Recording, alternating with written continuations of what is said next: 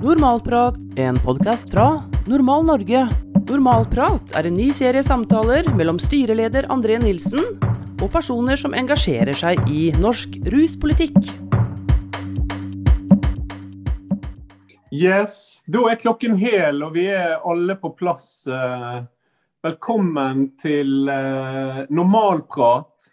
Dagens tema er 'Defund police' på norsk. Vi har altså eh, stilt oss noen spørsmål knyttet til dette eventet, som handler om norsk ruspolitikk og rasisme. Mitt navn er André Nilsen, jeg er styreleder for Normal Norge. Jeg skal være ordstyrer her i dag. Kan Black Lives Matter og Defund the Police overføres til norske forhold? Forsterker norsk ruspolitikk fordommer mot eh, minoriteter? Hva blir konsekvensene når politiet profilerer innbyggere ut ifra hudfarge? Og eh, kan en rusreform som slutter å straffe, redusere sosial eh, ulikhet og rasisme rettet mot minoriteter? Dette er vanskelige spørsmål som vi nok ikke får besvart fullt i dag, eller løst alle problemene. Men at vi kommer et godt stykke på vei, det er jeg overbevist om. For vi har et knallsterkt uh, panel med oss her i dag. Vi har uh, vår egen Karl Navstad som skal innlede. Styremedlem i Normal Norge. Vi har Moses Steyegbe Kuame, som er sosiolog, sosiolog med doktorgrad fra juridisk fakultet Institutt for kriminologi og rettssosiologi, Universitetet i Oslo, og var òg eh, medlem av eh, Ja, Vi har med oss uh, Mohammed Abdi, som er lærer og skribent. Vi har Sofia Rana, som er politiker for Rødt Oslo. Og vi har uh, Mohammed Hersi som brukerrepresentant fra Rio og uh, MIO. Og vi har Maha Ali med oss fra Rio. Tusen takk for at dere stiller i dag. Jeg gleder meg til denne samtalen. Eh, så vil jeg da gi ordet nå til Karl Napstad, som har skrevet teksten 'Defund the Police' på norsk, som har eh, ikke startet debatten om rasisme i norsk ruspolitikk, men eh, entret normalen i debatten formelt sett. Vær så god, Karl. Takk skal du ha, André. Så spørsmålet vi har er jo om Defund the Police og Black Lives Matter kan oversettes til norsk. Og det er jo spørsmålet selvfølgelig ikke et lingvistisk et, men om debatten som har uh, uh, herjet si, i USA i over et år nå, om den kan ha relevans for norske forhold, om den kan overføres til en norsk kontekst. Og det svaret du får, kommer jo an på hvem du spør. For det er todelt. Eh, politikere og politi i land etter europeisk land etter land, eh, da også i Norge, har insistert på ja, det er bra, det er viktig at den debatten tas i USA, men USA er et annerledes land. Ting er annerledes her, her i Norge, så det, den har mindre relevans for oss. Eh, samtidig så ser du på den annen side så ser du um, uh, uh, Ut på gata ser du demonstrasjonene for Black Lives Matter som vi hadde her i Oslo. Den, uh, både i det massive oppmøtet, an, både antallet folk som møtte opp i den demonstrasjonen, og også demografien. At det var overveldende unge mennesker og veldig mange med minoritetsbakgrunn tyder på at eh, dette, eh, denne debatten har rørt noe også her i Norge. Og som jeg eh, da argumenterer i den kronikken som var i Morgenbladet for en liten stund siden, så er det sånn jo, USA og Norge er forskjellige. Vi har forskjellige historier, tross for at vi ofte glanser over litt av vår egen kolonihistorie og involvering i slavehandel og, og politivold, så er det, er det jo klart at vi har forskjellige forutsetninger. Samtidig så er, sant, er maktstrukturene og de sosiale uh, institusjonene uh, stort sett i stor grad de samme på tvers av landegrenser til en uh, slik grad at det er en gradsforskjell heller enn noe kvalitativt annerledes når vi snakker om defund og Lives Matter. på norsk. Og en av vinklingene som jeg syns er interessant for oss å komme inn i, i debatten i en norsk kontekst, er jo dette her med rusreformen og også håndhevinga av narkotikalovgivningen sånn som den er nå. Um, for et par år siden så gjorde jeg en litteraturgjennomgang uh, av norske studier på feltet angående uh, kontrollskader.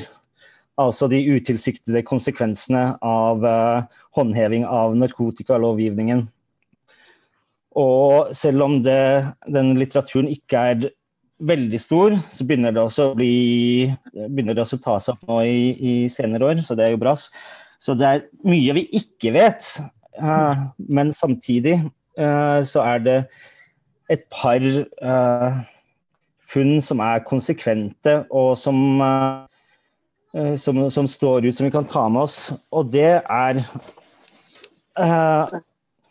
at at uh, i, Eller store tingene, da, er jo at etnisitet, uh, etnisk bakgrunn, har en, uh, en stor rolle i hvem som blir stoppet, hvem som blir kontrollert av politiet. Og at dette får virkninger gjennom hele gjennom hvem som blir lagt gjennom rettssystemet. I rettssystemet blir uh, Hva er det vi kaller det? Uh, majoritetsnorske. Så uh, tiltalte blir ofte sett på som hjelpetrengende. Mens tiltalte med innvandrerbakgrunn blir oftere sett på som organiserte kriminelle. og det ser vi også videre sant, i overrepresentasjon i, i, fengslene. Og hvis man først er øh, straffet for øh, brudd på narkotikalovgivningen, så er det, er det, faktisk sånn at det er uh, større sjanse for at du blir født på nytt, og, men da også kun for narkotikalovbrudd. Så det er ikke den koblingen mellom narkotikalovbrudd og generell kriminalitet det er overdrevet. Men hvis du først er straffet, så blir du straffet på nytt og på nytt. Og det har jo også selvfølgelig en rekke andre um, konsekvenser, både med hensyn til uh, uh, stigmatisering, yrkesvalg, utdanning osv. Uh, hva, hva med han det? Så, han er god, han. Altså. Er her var det noen som kom inn. Om dette her. Og nettopp det som du Jo, takk skal du ha. Det, det er ingen kvalitativ forskjell på en grad. Samme skjer i Norge som i USA. Takk skal du ha, men vennligst skru av Putt på mute med mindre du skal snakke nå. Til alle sammen. Ja, alle som ikke er i panelet, ber skru av mikrofonen. Ikke for å være uhøflig, men uh, da mistet jeg tråden litt. Jo, så det vi ser da, er jo at um, uh, narkotikalovgivningen sånn som den er nå, det er et veldig enkelt redskap for uh, politiet å ta i bruk. Uh, hvis de ønsker å kontrollere individer. Og det går i to forskjellige retninger. Det ene er det vi ser med såkalt krimigrasjon. Altså det hvor feltene eh, innvandringspolitikk og, og, vanlig kriminallovgivning overlapper. Og Der ser vi sånn med jevne mellomrom, med noen års mellomrom, så har politiet uh, større aksjoner rettet mot um, utenlandske rusmiljø. Uh, for da også få uh, utvist disse fra landet. Men det som er med sånne aksjoner og oppholdstillatelser og den slags, det er vanskelig å, å se på utseendet folk. Så det er et veldig stort nett som kastes ut. Så på den måten der kommer den profileringa inn, hvor vi har mange eksempler på at det, det favner altfor vidt sånne her tilnærminger. Og som samtidig bør det jo også nevnes at disse aksjonene veldig, veldig sjelden tar bakmenn, tar de store, store fiskene. Altså det er, det er smådealere som blir rammet av dette her. Um, så det er det, På den ene siden har du det krimigrasjonskonseptet. På den andre siden så har det eh, nå så brukes eh, mistanke om besittelse og bruk eh, av narkotiske stoffer. Peter og, og de rasisme i Norge har vært i stor grad basert på fremmedfrykt sånn god gammeldags fremmedfrykt. Så det er ikke mange årtier siden at uh, du ikke fikk leid en leilighet i Oslo hvis du kom nordfra. Så det er eh, det er der det har vært. Mens den amerikanske eh, rasismen har i mye større grad klassebasert. Eh, og det ser vi nå at det, at det Den type rasisme den vokser i, i eh, Norge, og da særlig i den her eh, hvordan politiet eh, går hardt ut mot eh, folk på østkanten og straffer eh, besittelse og bruk av eh, narkotika der. Mens samtidig så øker bruken, da, særlig cannabis er jo det vi har sett på her i Normal. Det øker mest på vestkanten, men der sier politiet selv at der har de andre måter å takle dette, denne utfordringen på. Der er det dialog, der er de inne i skolene, der har de kontakt med foreldrene. Mens på østkanten uh, så er det straff som gjelder, og det er jo flere forskjellige årsaker til det. Men hovedpoenget er jo at det, det er interessant å se hvordan uh, lovgivningen da brukes i skjæringspunktet mellom klasse og etnisitet. Så mens uh, kriminolog Hedda Gjertsen hun skrev allerede for ti år siden i forbindelse med Stoltenberg-utvalget uh, skrev at vi straffer fattigdom og nød. Og det gjør vi fortsatt. Men nå syns jeg at vi kan klart og tydelig si at vi også straffer uh, etnisk bakgrunn. Så Eh, den rusreformen er jo ikke eh, nødvendigvis en, eh, en, mirakelkur for dette her. Men samtidig så vil det fjerne et av de mest stumpe og mest rasistiske verktøyene som er i politiets verktøykasse. Er, mange i politiet er veldig bekymret for verktøykassa si i møte med narkotikaproblematikk. Dette er et redskap som bør tas fra dem.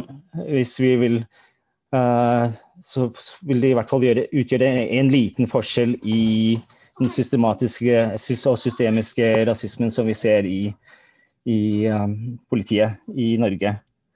Um, før jeg avslutter, vil jeg bare uh, at, nevne at André ville vil at jeg nevne at en lengre versjon av den uh, kronikken som kom, var i Morgenbladet, kommer på trykk i høsten i, i, i Justice, Power and Resistance, et tidsskrift uh, som gis ut på uh, Policy Press. Så hvis noen vil ha litt mer detaljer enn det tynne skjelettet som lå der. Takk skal du ha. Tusen takk, Karl. Tusen takk. Kan jeg føye til én ting? Selvfølgelig. Så, jo, og det syns jeg er morsomt at jeg også glemte det. Dette er uh, noe som jeg vil utfordre uh, de andre som sitter i, i panelet på å uh, om vi ikke adresserer her og nå, i hvert fall skrive bak øret. Og det er i denne debatten og i forskningen er spørsmålet hvor er kvinnene? Da, er, da særlig er innvandrerkvinner dobbelt usynlig.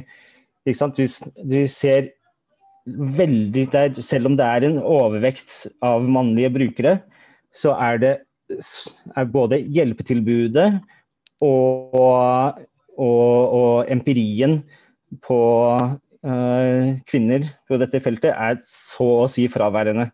Og Det syns jeg er interessant å ta med videre når vi snakker om skjæringspunkter mellom forskjellige identiteter, sånn som klasse og etnisitet. Så er også kjønn et, et ofte oversett poeng.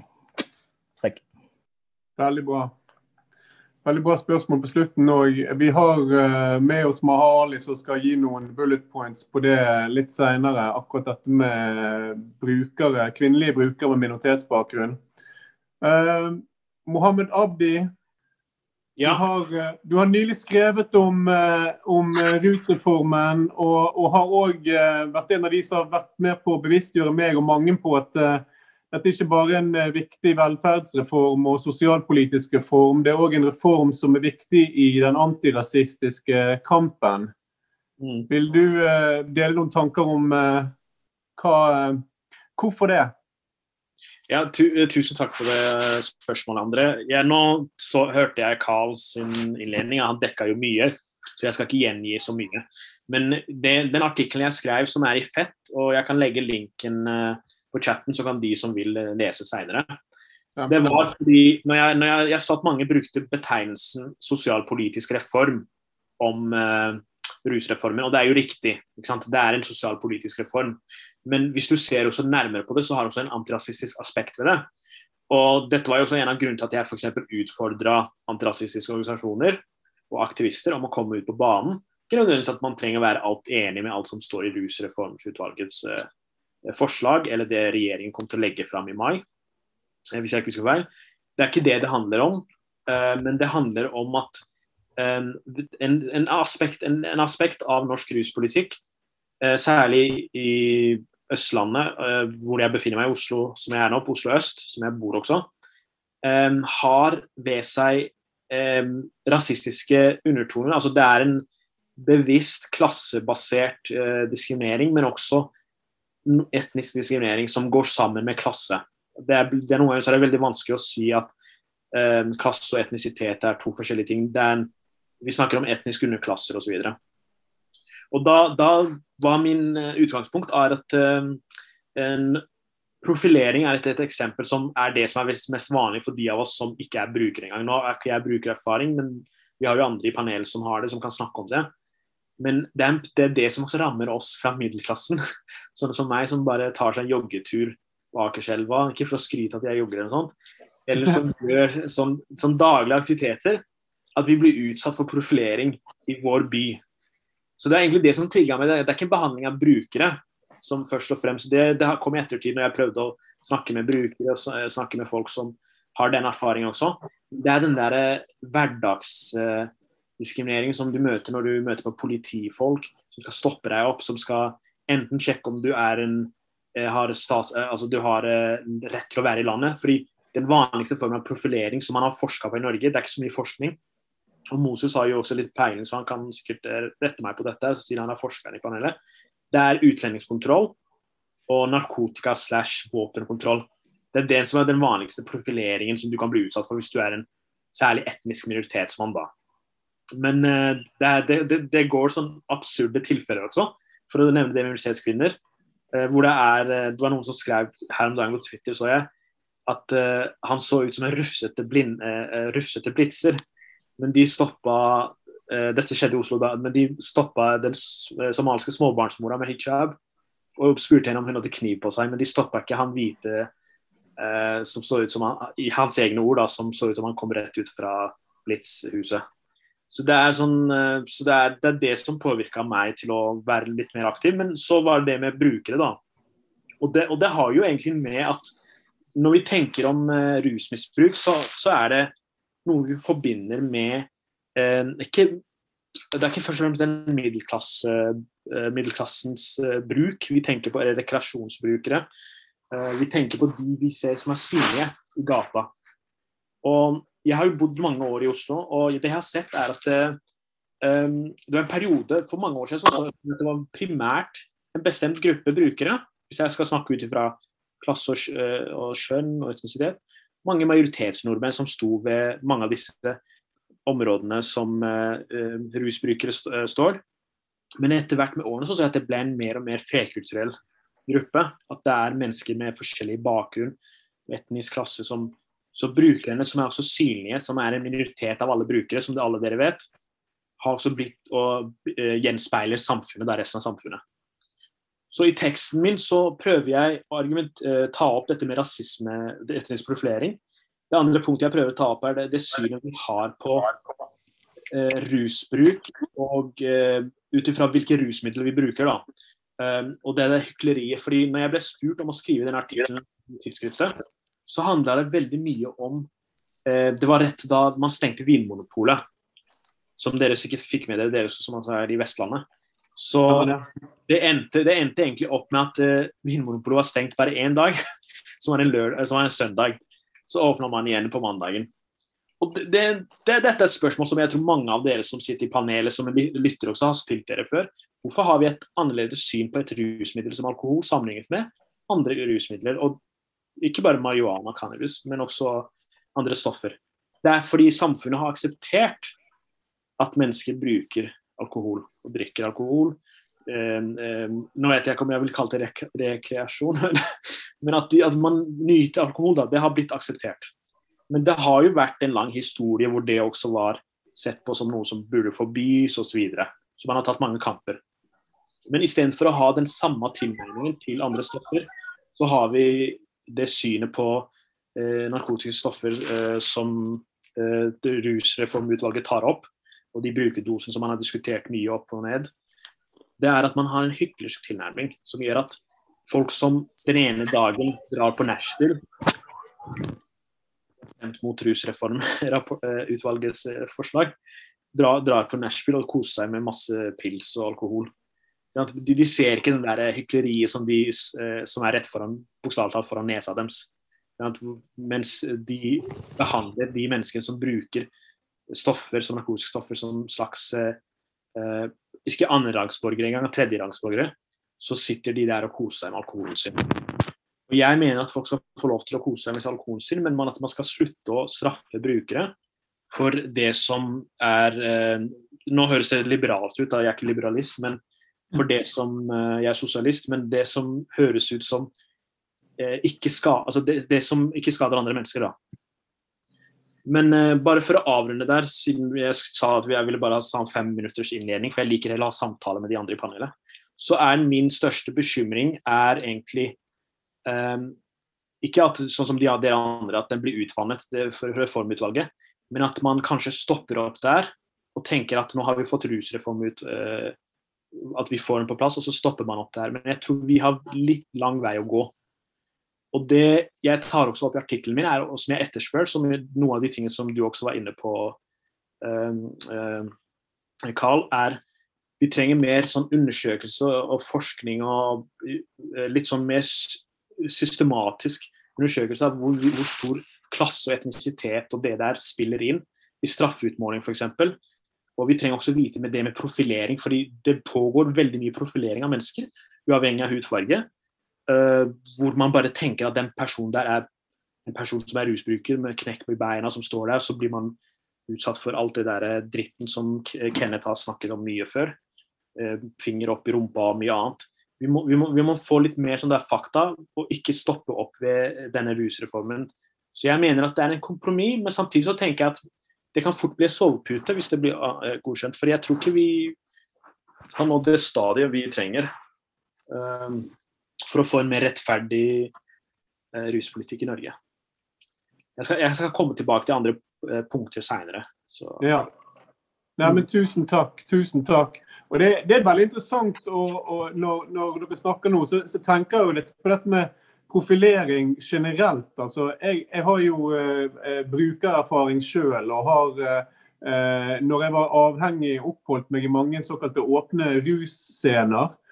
Og unnslapp, unnslapp nok politiets søkelys veldig lenge fordi at jeg så ut som en BI-student eh, når jeg, jeg passerte gjennom der. Og så var det andre som gjerne så litt mer uh, medtatt ut, som, som, ble stoppet og mistenkeliggjort. Og så, så, har jeg jo alltid tenkt sånn, uh, og dette mener jeg jo veldig sterkt, at vi har en, uh, en, ruspolitikk, og du har helt rett, vi har lang vei å gå selv om rusreformen, som, hvis vi skal slutte å straffe, så er ikke vi i mål der, altså. Du har helt rett i det, vi har lang vei å gå. For vi har i flere tiår nå hatt en ruspolitikk som jeg mener driver med litt sånn selvoppfyllende profetier. Vi har et system som sender folk utenfor, som holder folk utenfor med straff og stigma. Og så blir de synlige på gaten et slags bevis for den øvrige befolkningen om hvor farlig narkotika er. Og så, og så, reflekterer man ikke rundt det systemet de lever i, og som faktisk bidrar til å sende folk uh, utenfor.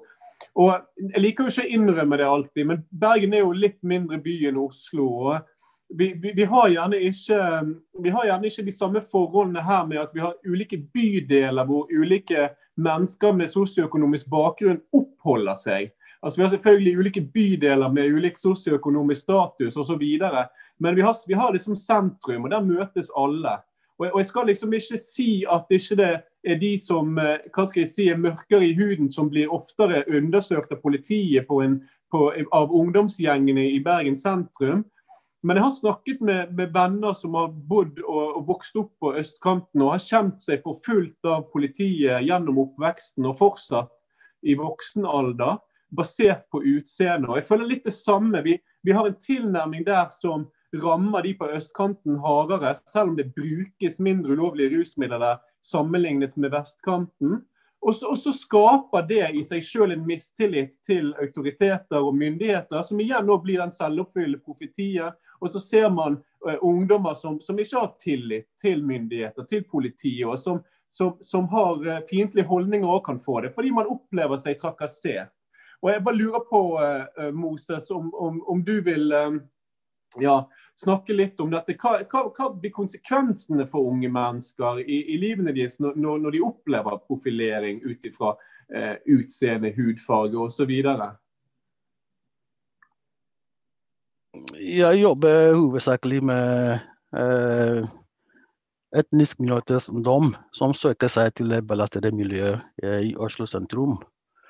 Og det er denne ungdomsgruppen som opplever å bli stoppet og sjekket av politiet, kroppsvisitert og fremstilt på gata som eh, eh gjerningsmenn. det er viktig eh, å påpeke at noen av disse ungdommene mener at eh, enkelte politifolk bryr seg. Men når det gjelder politiet som en institusjon, så er mange av disse ungdommene skeptiske til måten politiet utøver sin eh, Eh, samfunnsrolle på. Eh, og dette, dette, med å bli stoppet hele tiden og mistenkeliggjort og fremstilt som gjerningsmann, eh, har fått mange av disse ungdommene til å føle at de ikke hører til. At ja, de føler at de blir på en måte stigmatisert. At de bor i Norge fysisk, men ikke mentalt eller emosjonelt. Så det, det, er noe som mange av disse ungdommene sliter med. De føler at de er blitt politiets eiendom på en måte.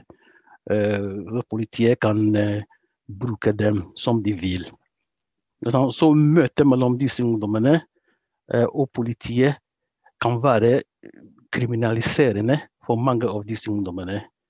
Når de kommer i kontakt med politiet, så er det ikke fordi de har gjort noe galt. Men møtet med politiet kan føre til at de blir kriminalisert. Fordi politiet sier at de ikke har hørt på dem. Så eh, ungdommene, mange av disse ungdommene de, de, de selger hasj eh, på Vataland. Og de vet at politiet kommer til å fokusere på dem. Og de anser ikke dette i seg selv som diskriminer, eh, diskrimin, eh, diskriminerende. Men de er veldig kritiske til måten politiet eh, jobber på. Det er mange som forteller at eh politiet bruker uh, ja, vold. Også det kan være verbalt eller fysisk vold i forhold til måten de jobber på. Så det er mange av disse ungdommene som har stor mistillit til politiet. De vil ikke gå til politiet hvis de blir utsatt for noe voldelig. Men, men følelsen eh, av å, å, være utenfor Dette med utenforskapsfølelsen det er noe som mange av disse ungdommene eh, sliter med. Så eh, det er, det, er, det, er, noen av de konsekvensene som eh, opplevelsen av å bli stoppet og sjekket og mistenkeliggjort hele tiden kan føre til utenforskap. Tusen takk. Så, ja. Jeg ble selv jeg ble tilsendt en video i går på Instagram av en video som går på sosiale medier nå. Filmet på en Snapchat der en mindreårig ung mann med minoritetsbakgrunn blir bedt av politiet om å trekke ned buksen og, og, og, og løfte på penis og, pungen. Uh, og Jeg vet ikke om det var rusmidler eller våpen de skulle håpe eller tro de skulle finne der, men han var ikke arrestert. Han hadde som sagt ikke håndjern. Han kledde av seg sjøl og sto der foran uh, vennegjengen. og Jeg kan bare forestille meg at, hvor ydmykende det må være uh, å stå på åpen gate og bli bedt om å gjøre noe sånt. Ja, De opplever det som veldig, veldig krenkende. Det er, sånn, det er krenkende å bli og blir frem, fremstilt som gjerningsmann uh, på gata. Ja, det er ikke en god opplevelse for mange. Nei. Før, mm. før vi går videre, så, så, eh, så, lurer jeg på altså, Er politiet best skikket til å møte disse ungdommene? Er det de som bør gjøre, ha den oppsøkende rollen? Jeg skjønner at de skal opprettholde lov og orden, men eh, er det politiet som er best skikket for å møte sårbare ungdommer? Eh, jeg syns at politiet har en viktig rolle eh, ja, eh, ja, å, å, spille i disse miljøene. Men for meg så er det viktigere at oppsøkere, sosialarbeidere, kommer i kontakt med disse ungdommene. og det er mange sosialarbeidere som, som har store utfordringer med å komme i kontakt med disse ungdommene. Fordi ungdommene assosierer mange av disse sosialarbeidere med politiet. Uh, og det er mange sosialarbeidere også som vegrer seg mot å ta kontakt med disse ungdommene, fordi de oppfatter ungdommene som kriminelle og voldelige, eller som gangstere. Så uh, det, det finnes uh, en del negative holdninger blant sosialarbeidere når, når denne ungdomsgruppen når det gjelder denne ungdomsgruppen. Så det er viktig at uh, sosialarbeidere kommer på, på, banen. Og så etablere kontakt med disse ungdommene. Komme i kontakt med dem, etablere tillitsforhold til disse ungdommene. Motivere de ungdommene til endring. Og, og, og, og, videre, og formidle de som ønsker hjelp, videre i systemet. Så jeg syns at uh, ja, det er mange sosialarbeidere som føler at det er politiets oppgave eh, å, jobbe, å, å, å, håndtere disse ungdommene som, eh, som, havner i belastede miljøer. Men jeg syns at eh, eh, dette arbeidet bør gjøres av sosialarbeidere. Men da må de være motiverte og engasjerte i forhold til å komme i kontakt med disse ungdommene. Og det finnes mange engasjerte og motiverte sosialarbeidere i hjelpesystemet. Men eh, når det gjelder ungdommene på Akerselva eller på Vatalam, så er det mange sosialarbeidere som vegrer seg mot å, å, komme i kontakt med ungdommene. Fordi de oppfatter ungdommene som kriminelle. Mm. Ja. Så det har mye med etnisk profilering også å, å gjøre. Ja. Så det må, hold, det må holdningsendringer til i, i, flere systemer holdt jeg på å si, for at dette skal bli, eh, bli bedre. holdt jeg på å si. Ja. Du, eh, tusen takk, eh, Moses. Mohammed Hersi, du er leder for MIO, minoriteters interesseorganisasjon på rusfeltet. Du har jo òg vært med å skrive RIO-rapporten, Minority Report, kan du fortelle litt om det med å være en bruker eh, med minoritetsbakgrunn? Generelle utfordringer man møter i dag? Du må ta mikken din, eh, Mohammed. Yes, hører dere meg? Ja, hører godt nå. Ja, er, den temaet er vel veldig opptatt eh, av. den temaet her. Jeg kom jo som mindreåring her til Norge. ikke sant? Eh, og og, det, og jeg har jo opplevd veldig mye med, med når det gjelder systemet og politiet spesielt. Eh, det er liksom, og bildet har jo forandret seg med tiden også. ikke sant? En, eh, men det, det, det, som er Selvfølgelig må vi ha politi, og jeg har stor respekt for en del god jobb de gjør. Vi trenger dem i samfunnet, selvfølgelig, som alle vet. Det er ikke der, akkurat der vi skal inn på. Men det er, som er, mitt problem har vært hele tiden, eller min utfordring å være i byen eller bo i Norge hele tiden har vært den biten at når en politimann har en fordømmer over min hudfarge, når han ser min hudfarge som en trussel, når han ser klærne mine som en trussel, når han ser måten jeg går på eller måten jeg snakker på, den er utenfor den, det vanlige normer han vokste opp med, eller de, de kjenner til. ikke sant? Så blir jeg veldig fort profilert som, som, som han, De også ser, følger med de amerikanske tilstander. De, de, ser meg ganske mye ganske fort som en gangster, eller en som er ute etter å finne på, eh, på bråk, eller har vært og funnet på tull, eller, eh, eller up to no good anyway. You know? og, og, det har vært den største utfordringen for meg. Jeg, jeg, har jeg, har begynt med den uh, det, det krim og rus hva skal jeg si, rus og kriminelle rollebladen sent i livet. ikke sant? Men dette med polititrakassering kan jeg si, og, og, og den måten undertrykkelse ikke sant? Det har jeg kjent på nesten i 20 år før jeg har endt opp selv som en kriminell. Og en av de største grunnene kanskje jeg tror på, er at jeg eh, på et tidspunkt jeg ga opp den tilhørigheten jeg prøvde å få til norske samfunn. Ikke sant? Selv om jeg har gått på skole, integrert meg godt, kunne snakke, kunne snakke språket godt, har jobba mange år i Norge.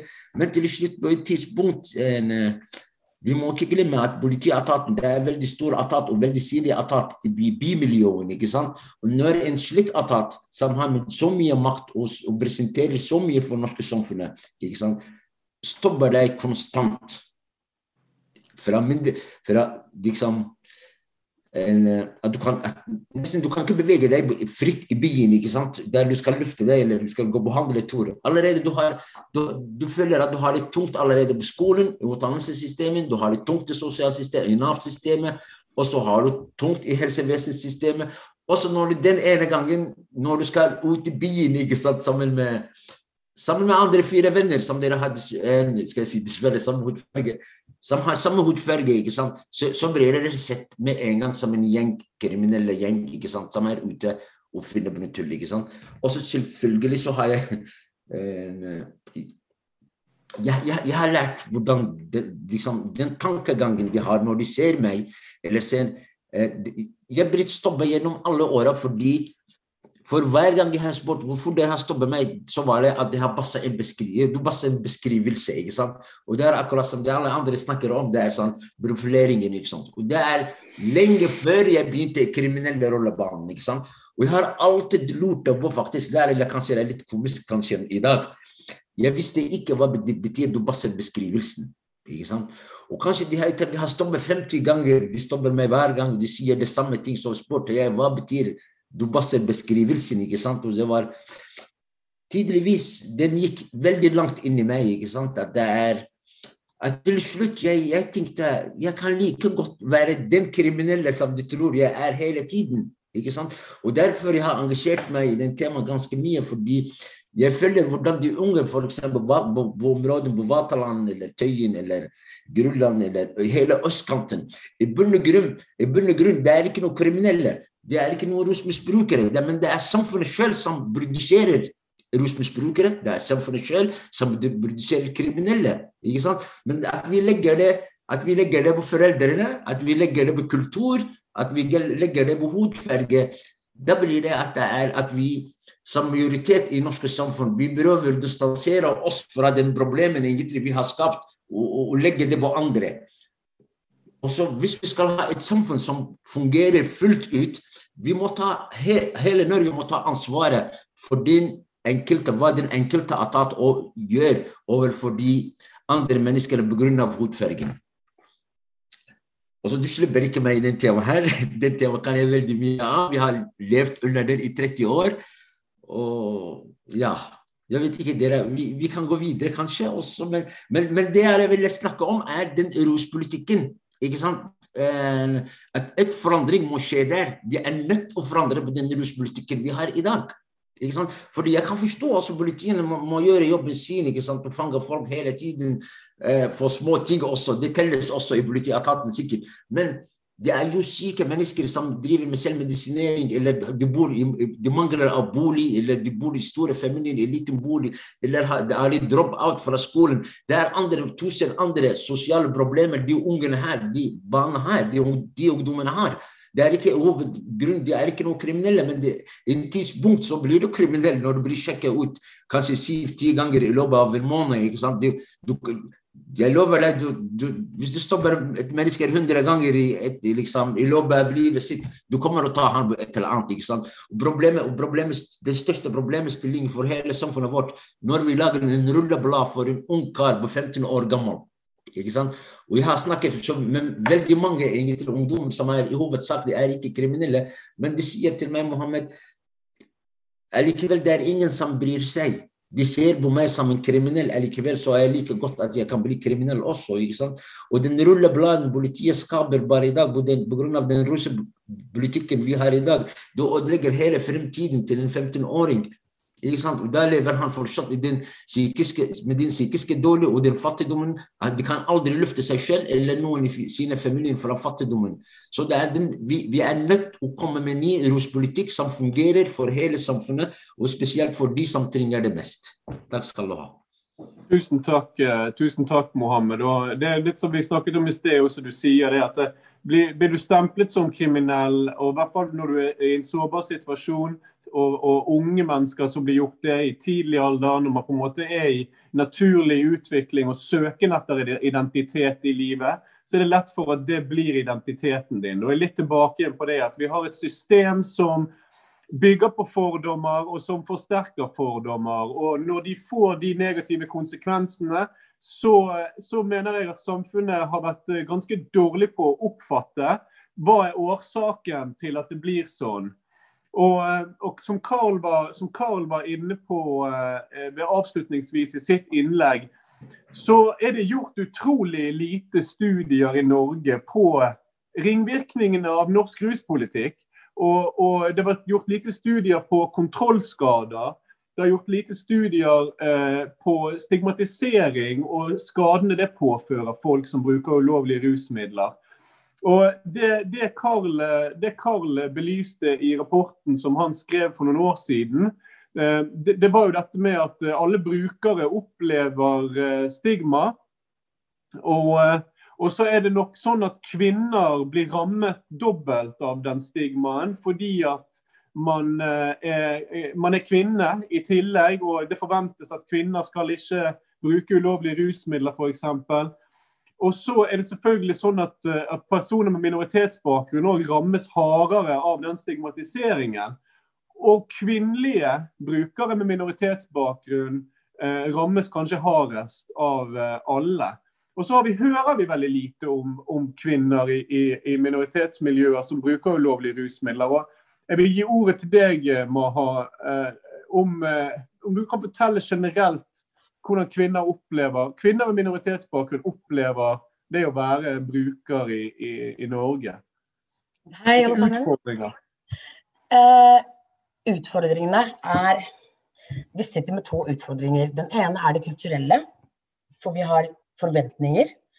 Pga. kultur så skal vi være med på en viss måte. ikke sant? Og så har du den andre siden, hvor vi for de bygger altså systemet, velferdsstaten, alt sånn institusjoner bygger frykt i oss. Hvor vi allerede tidlig, med en gang eh, Da har jeg jo barn, så nå snakker jeg ut ifra meg selv, som har vært en bruker. Eh, det er Truslene kommer i sånn form Det er, det er ikke trus, direkte trusler, det er mer som Mohammed Abdi sa. Det er sånn subtil Det er som en undertone da, som som de vet at vi forstår. Så da kommer de med f.eks. bekymringsmeldinger til barnevernet. Da har vi allerede den frykten i oss hvor eh, det gjør at vi ikke tør å søke om hjelp. For søker vi om hjelp, da blir vi fratatt barnet. Ikke sant? Da sitter vi allerede i den situasjonen. Og så kan vi ikke gå til våre egne. Altså vi kan ikke gå til, til, til den andre siden, for der, der, er det jo tabu og skam og ære. Og da sitter vi med dobbel byrde, da, eller hva heter det, dobbel Det blir tungt, ikke sant? Så da sitter du og tenker greit, kanskje jeg spør legen, da. Få hjelp til, en, til psykologtime. Men til og med da så tør de ikke, fordi eh, vi får ikke den hjelpen. Vi, vi blir ikke trodd på. Ikke sant? For de har allerede bygd en sånn bilde av oss. Dere er sterke, dere, dere tåler det her. Dere har, dere har, en helt annen styrke i dere. Eh, dere står i så mye, dere har allerede stått i så mye. Ikke sant? Så det blir den skepsismen da, når du sier 'jeg trenger hjelp'. Og så er det ikke bare det, men det er, vi får ikke noe informasjon. Vi, vi vet ikke hvor vi skal gå for å få den hjelpen vi trenger. For spør vi først om hjelp, og da får vi bare Nei, jeg vet ikke. Ikke sant? Så det er, det er mye av de utfordringene. Det er mangel på informasjon, det er uh, hvor drar vi, det er den at vi ikke blir trodd Bare det at vi ikke blir trodd på, den gjør at vi bare greit, ok, da går vi hjem og så bare fortsetter vi med det vi driver med. Ikke sant? Til da det går veldig langt. Og uh, i mitt tilfelle så var jeg veldig heldig, så det Ja. Jeg vet ikke hva, hva hva mer jeg skal gå inn på. jeg syns det ga et veldig bra, eh, bra det, er, det, er, det, er, noen av de største utfordringene vi møter på. Det, det er derfor man heller ikke tør uh, Vi tør ikke komme fram. For uansett om vi kommer fram, hva, hva, hva, kan bli gjort nå, liksom, hvis du skjønner hva jeg mener. Vi får den innstillingen, for vi er allerede redde. Ikke sant? Vi vil ikke Vi, vil, vi får rykter på oss i miljøene våre, og så mister vi barna. Eller så Vi må hele tiden bevise, da jeg må hele tiden si at nei, det er sant, nei, det er sånn jeg opplever det, nei, det er sånn jeg har det, nei, jeg har ikke det så bra, nei. For de glemmer at vi er vokst opp her. Ja, vi har kulturen vår. Ja, vi er, vi er en blanding av begge kulturer. Ikke sant? Så når du sitter her og det er mørketider, så merker jeg også det. Akkurat sånn som du merker det. Ikke sant? Men vi vet jo ikke at det er mørke tider. Vi har jo ikke opplevd det. Vi har jo ikke forståelse for at det er en depresjon. Det er en mørketid-depresjon som du går innom. Det er en fase. ikke sant? For vi, vi får ikke den vi, vi, vet ikke om det. Forstår du? Ja? Absolutt. Det er de Ja. Tusen takk, uh, tusen takk Maha. Før jeg eh, går videre til deg, eh, Sofie, så må jeg bare rette på meg sjøl. Eh, her sier du er styremedlem i Rio, og fra og med 1. mai så er du minoritetspolitisk rådgiver i, i Rio. Gratulerer med det. Eh, Sofia Rana, du er politiker på Rødt i Oslo og aktiv i den antirasistiske kampen. Så fra politikerperspektivet, mine tanker er jo at her er det mye forskning som må gjøres, og, og utredning som må gjøres. Og har du noen tanker om kortsiktige og langsiktige tiltak politikere må legge til rette for å, for å bekjempe disse problemene? Eller belyse de? Begge deler. Eh, ja, jeg har jo egentlig en uh, virkelighetsbeskrivelse i tillegg til at jeg har noen forslag til uh, kortsiktige løsninger. Da. Um, først og fremst så takk for at jeg får være her.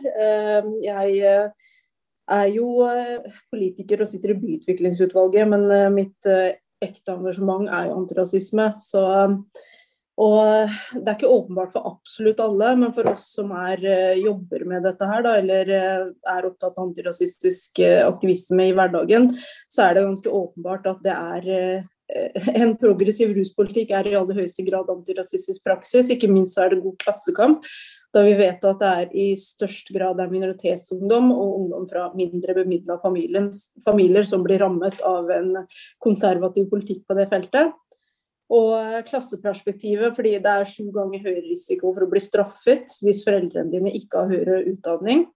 Og barn og unge blir påvirka eh, av hvordan de, de, blir utsatt for stigma og straff, som påvirker hvordan de ser på seg selv, som Moses også var inne på, og Mohammed Hersi. Det der med å blir stoppa gang på gang, og så internaliserer du det, da.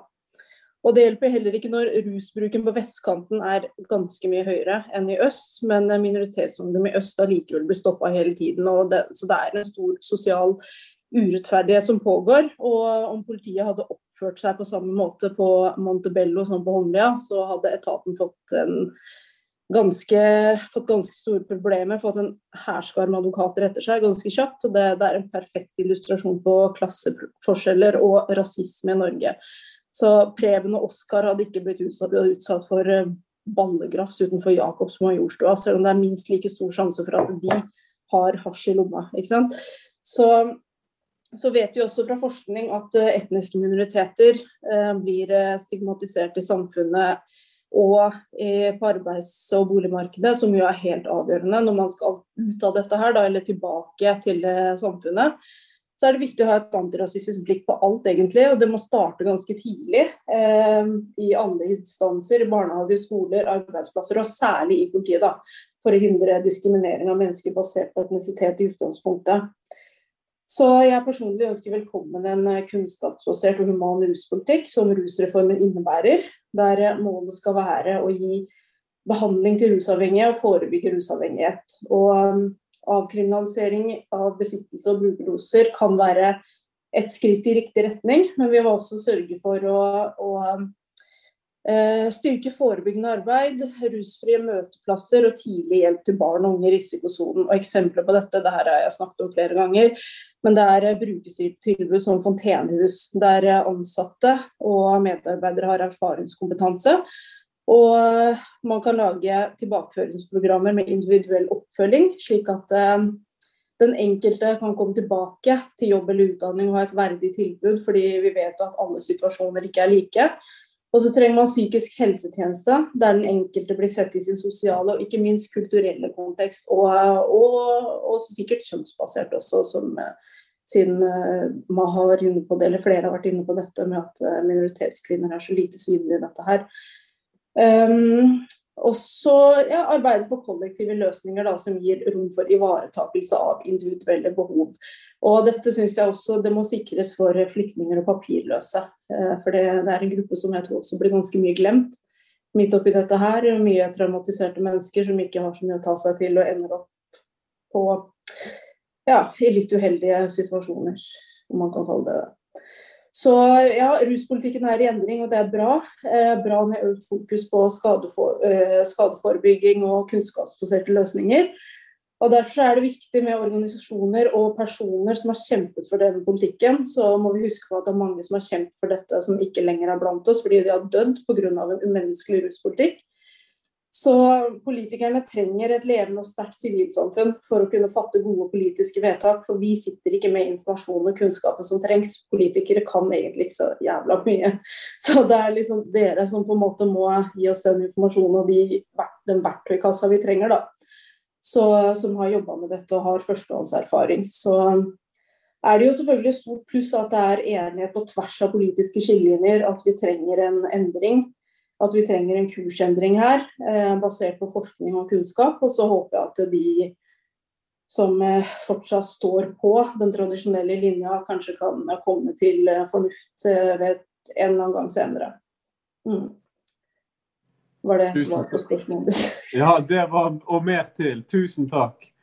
Uh, nå, nå, er jo mine umiddelbare tanker etter dere har snakket, at uh, det, denne rusreformen slik den er foreslått, uh, kommer til å forebygge mest effektivt, er jo nettopp skader av straffepolitikk.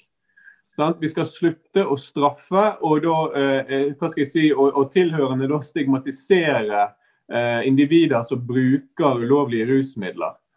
Og så hadde jeg en samtale med Andreas Wahl Blomkvist, som er lege og rusavhengighetsspesialist, om eh, hvordan vi best kan møte unge da, eh, som er sårbare for å utvikle avhengighet eller rusproblemer. Og Han eh, nevnte jo òg det som, som, dere har vært inne på, at det, det brukes mer uh, ulovlige rusmidler på uh, vestkanten.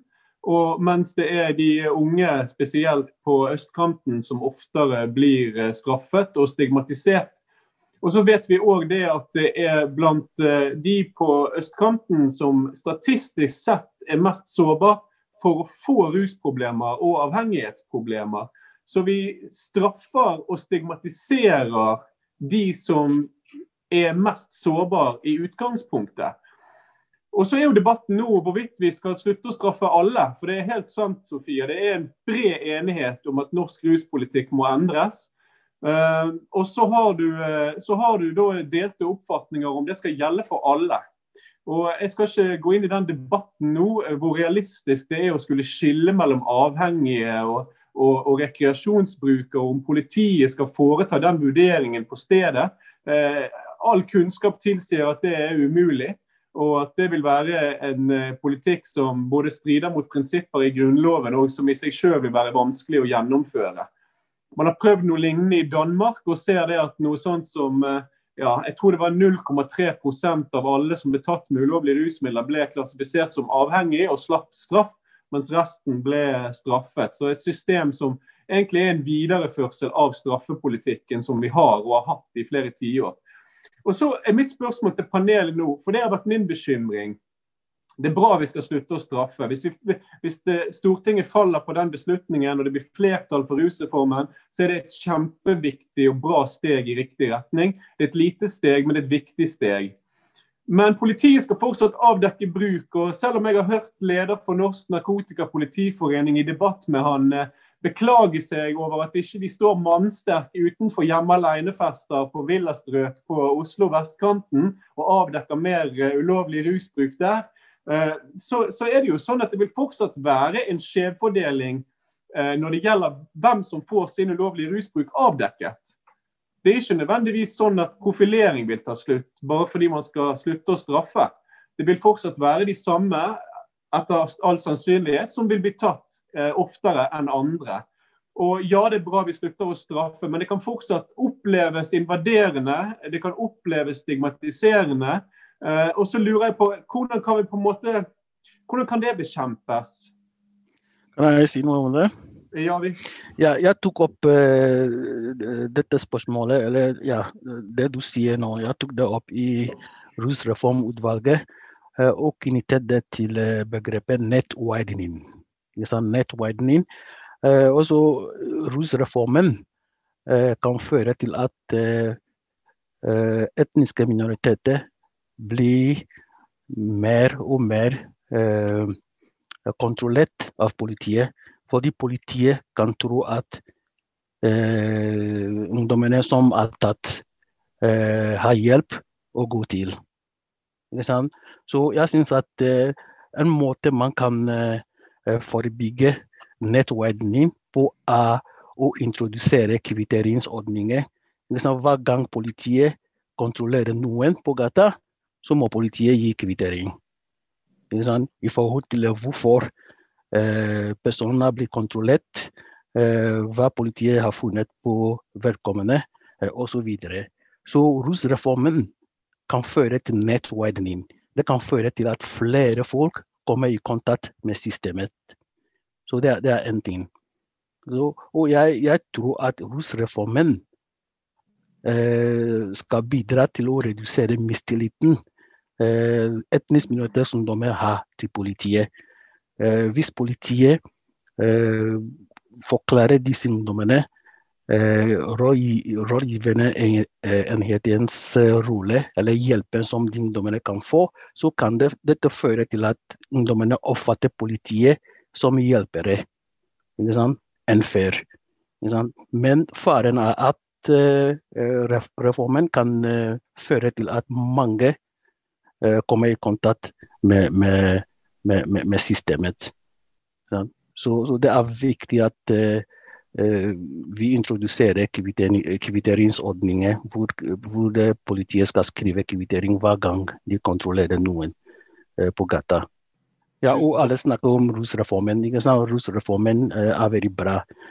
Men det er viktig at vi ikke oppfatter det som løsningen. Det er veldig viktig at ungdommene får hjelpen som de trenger. Det fordrer at hjelpeapparatet er rustet nok til å, gi yte eh, service, tjenester som disse ungdommene trenger. Mohammed snakker om eh, eh, ulike utfordringer som disse ungdommene sliter med. Boligproblemer, utfordringer knyttet til å finne seg jobb.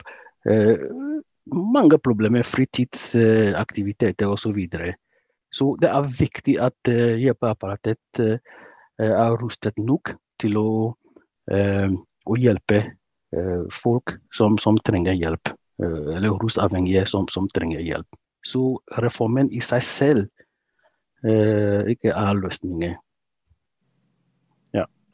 Tusen takk, eh, Moses. Sofia, du har rekt om hånden.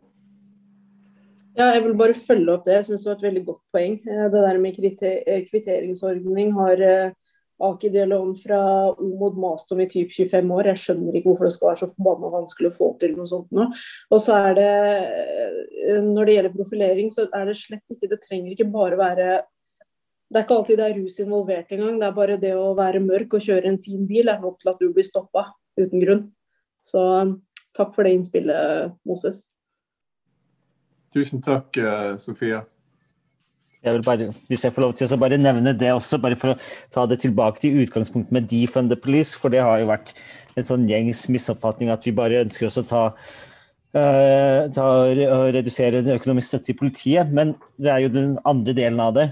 Og der er det uh, Der må rusreformen også følge opp skikkelig at de pengene som vi sparer inn på det, går til nettopp uh, både til uh, hjelpeapparatet når vi går fra straff til hjelp, men også, som uh, flere har vært inne på, med forebyggende arbeid. Og da ikke sånn nødvendigvis kun konkret forebyggende ruspolitisk arbeid, men også det med levekårsutfordringer. Så det er noe som vi også ikke må glemme synet av her i, i rusreformen. Mohammed Abdi. Ja, jeg, jeg, vil bare gå litt tilbake på det som Moses sa om eh, det med bolig og sånt. Eh, nå er jeg også, i tillegg til å være lærer, jeg er Nav-ansatt. det er en etat som har, folk har sterke meninger om. Jeg òg er det. Ja, ikke sant. Jeg er norsklærer som jobber i Nav. Det er ikke så mange av oss. Men det som, det som også er interessant, er at det, det, er jo helt riktig det man sier at altså, en del av kritikken av reformen har jo handla om uh, at noen mener at reformen går ikke langt unna med det hjelpeapparatet osv. Det, det kan sikkert uh, de som har sittet i reformutvalget, så vi har jo to av dem her i dag, som kan sikkert uh, rette på det. Men det er jo en kritikk som man kan ta med seg videre, sammenlignet med den andre, som er Jan Bøhler, Vedum-greien og sånt, som er egentlig tøff politi, vi trenger mer politi, politi, politi. Altså, dels de tror at det er all løsning av politi tilstedeværelse. Det er en kritikk som er helt sånn hårreisende. og Vi kan sikkert bruke mye tid å snakke om den, det med politiskandalen og sånt. Men det er jo det, det er altså det, det substansielle, det, som er faktum er, at det er at sosiale problemer løses med sosiale løsninger. Så når man sier at man må gå fra straff til helsehjelp, så er det også et da sier man også indirekte at man skal ha, løse disse sosiale problemene, som er sosiale problemer, som flere andre dere var inne på i panelet. At det er samfunnet som skaper mennesker som, av, eh, som, har forskjellige former av nød og utfordringer.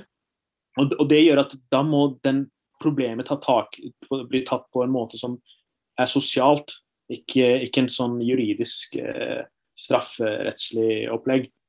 Eh, men det var det jeg ville nevne. Og det andre jeg ville ta opp, var det som hadde med eh, Ikke for å drive sånn metadebatt og si noen av disse aktørene ikke er her, men det som er veldig provoserende, er at noen av rusreformens eh, motstandere bruker jo ungdommen som et slags uh, skjold. Fordi de sier at jeg uh, Nå vet dere hvem jeg snakker om, en bestemt uh, stortingspolitiker, som sier at han har vært og snakka med mange ungdommer minoritetsbakgrunn, f.eks., for fordi han bor i Groruddalen. Jan Bøhler snakker jeg om. Og da, da, kommer han ut der og sier at de ungdommene og foreldrene, alle her på Groruddalen vil ha eh, ungdommene skal eh, Han sier ikke rett ut straffes, da. Han, eh, han, sier jo at de skal opprette flere fengsler for ungdommer. Det har han foreslått, mindreårige. Eh, at flere, vi må fengsle flere. og Det er det eneste forslaget som han og Frp er enige om. da. Og Det er sånne, det er sånne retorikk og politiske forslag som gjør at jeg blir veldig sånn provosert og irritert. Eh, ikke bare fordi jeg bor i denne by, samme by som han. Og Det er der jeg tenker at det er veldig viktig at man har flere mennesker som bor i disse områdene, i Groruddalen. Ikke at alle i hele Groruddalen skal sende kronikker, men vi trenger politikere fra Groruddalen som kan være mot eh, kan snakke til motmæle mot disse politikerne som går ut og fremstiller seg selv som at de har eh, fasitsvaret på hva mennesker som bor i eh, Groruddalen eller Oslo øst, østkanten ønsker. Og det er at ungdommene dem skal profileres, at de skal straffes, at man skal opprette fengselsplasser osv. Istedenfor å opprette flere ungdomsklubber, eh, hjelpe dem med bolig og jobb osv. Som er en ting som jeg selv har jobbet med før. Fem år så hjalp jeg med ungdommer som tilhører den gruppa der. Eh, noen av dem har vært i sikkert i disse miljøene også, uten at jeg skal gå inn på det. Og det som jeg skjønte da, som også påvirka mitt syn nå, er at det, de sosiale problemene de, de, står overfor, den eneste måten man kan ta tak i dem, er å møte dem der de er. Og det er å ta tak i problemet ikke ved å straffe dem, men ved å forklare dem og veilede dem og få dem inn i eh, sånn mer tryggere omgivelser. Det er et godt ut, bedre utgangspunkt, og det, det er også mye eh, mer samfunnsøkonomisk enn å bare drive og straffe folk og gi dem ruskontrakter og sånt, da, andre greier som ikke funker i det hele tatt. Takk. Tusen takk. Moses? Ja, også, eh, det er viktig å huske at når det gjelder eh, etnisk profilering, så har dette med institusjonell rasisme å gjøre. Institusjonell rasisme i politiet å gjøre. Så det er viktig at man fokuserer på institusjonell rasisme innenfor politiet. Og kjempe mot dette her. Man, man, må tro, man, man, må ikke tro, at rusreformen i seg selv skal uh, føre til redusering i etnisk profilering. Fordi etnisk profilering har mye med institusjonell rasisme som ja. finnes i politiet å gjøre. Så det er viktig at vi, vi, vi, vi retter fokus mot politiet som en institusjon. Og rasismen, institusjonell rasismen som, som finnes der. For å redusere etnisk profilering, eh, profilering på gata. Det er veldig viktig å huske det. Ja, og det, det, det, er jo en, en, en, kjerneutfordring, virker det som. Og så har vi jo litt av de samme aktørene som eh, Mohammed eh, vagt nevnte, som bekymrer seg for stigmatisering av politiet. Mens vi prøver å kritisere ulike praksiser. og nå eh, mest sannsynlig er vi bare dager unna at Riksadvokaten avklarer rundt eh, hvilken praksis er lov eller ikke. og, og og uavhengig av om det blir rusreform eller ikke, hva politiet må pent se seg nødt til å slutte med. Eh, for det har aldri vært lov. Eh, ulovlige visitasjoner og, og ransakelser eh, osv. Men dette er jo, dette er jo, det, det, er jo litt sånn som, som, jeg har nevnt tidligere, at det, virker til å være en vegring i norsk offentlighet å se disse problemene og undersøke problemene. Og det virker til å være liksom en brannfakkel omtrent å nevne det i, i debatten. Er, er, det i seg sjøl et tegn på rasisme? Noen som vil ta den? Jeg kan bare starte det med å si at selvfølgelig. Det er samme, samme årsaken, eh, bare for å blande inn litt forskjellige temaer, at vi ikke har noen sosial boligpolitikk her til lands. Fordi at de som ikke er politiske relevante aktører, får ikke være med å sette dagsorden, får ikke sakene sine på dagsorden. Så, uh, så det korte svaret er ja, selvfølgelig. Og så, er, og så, er, det jo mye snakk om eh, det er mye snakk om ungdommen, ja. Det er veldig mye snakk om ungdommen. Og det er jo forståelig, det. Det er jo viktig å forebygge problematisk rusbruk eh, generelt, og spesielt blant uh, unge. Og jeg, jeg, jeg, hører liksom det at de, de, aktuelle tiltakene som veldig mange ønsker på, på nei, kanskje-siden av rusreformen, ønsker å videreføre såkalte ruskontrakter. da. Eh, der de som blir tatt for ulovlig rusbruk, cannabisbruk spesielt, eh, blir eh, tilbudt påtaleunnlatelse med å skrive under på en kontrakt der man skal jevnlig få urinen sin testet, testet i en periode på ett til to år. Og, og, så snakkes det veldig varmt om denne typen kontrolltiltak. Og så ser vi på studier det at at eh, den prosentdelen som, som, klarer å gjennomføre disse kontraktene, det samsvarer med samme type prosentandel som nok aldri ville fått et rusproblem eller blitt avhengig. Mens de som prosentandelen som stryker disse kontraktene, som ikke klarer å eh, vise til rene urinprøver og dermed blir straffet, det er eh, litt mer enn den prosenten man forventer at blir avhengig. Så, og, og, og, så tenker jeg det at uh, selv om man tar en ruskontrakt og har, har, ren urin i to år, så er det jo ingenting som tilsier at det har en langsiktig effekt etter at kontrakten er avsluttet heller. Man har bare utøvd inngripende kontrolltiltak på uh, unge, og uh, spesielt da, i en periode. Uten å egentlig kunne vise til noe særlig god effekt og, og overhodet effekt. Så jeg lurer liksom, hva, hva er hva er god, hva er god forebyggingsstrategi? Eh, jeg hører, hører, det at politiet må erstattes med, med sosial- og helsearbeidere. Hvordan er det? Driver man oppsøkende arbeid mot sårbare ungdomsmiljøer i Oslo? Utekontakten og sånt. Er det, er det andre aktører som, som, oppsøker disse miljøene aktivt, eller er det noe som må, må styrkes etter rusreformen? Ja, jeg syns det er viktig at uh, jeg, jeg, vet at uh, uteseksjonen i Oslo uh, oppsøker uh, rusmiljøet rundt Vataland og Grønland til banestasjonen der. Men jeg syns det er viktig at frivillige organisasjoner kommer på banen. Men det er viktig at de har, de har kompetansen som trengs for å kunne komme i kontakt med de ungdommene på gata etablere tillitsforhold til dem, motivere dem, og så eh, formidle de som eh, trenger hjelp videre i systemet.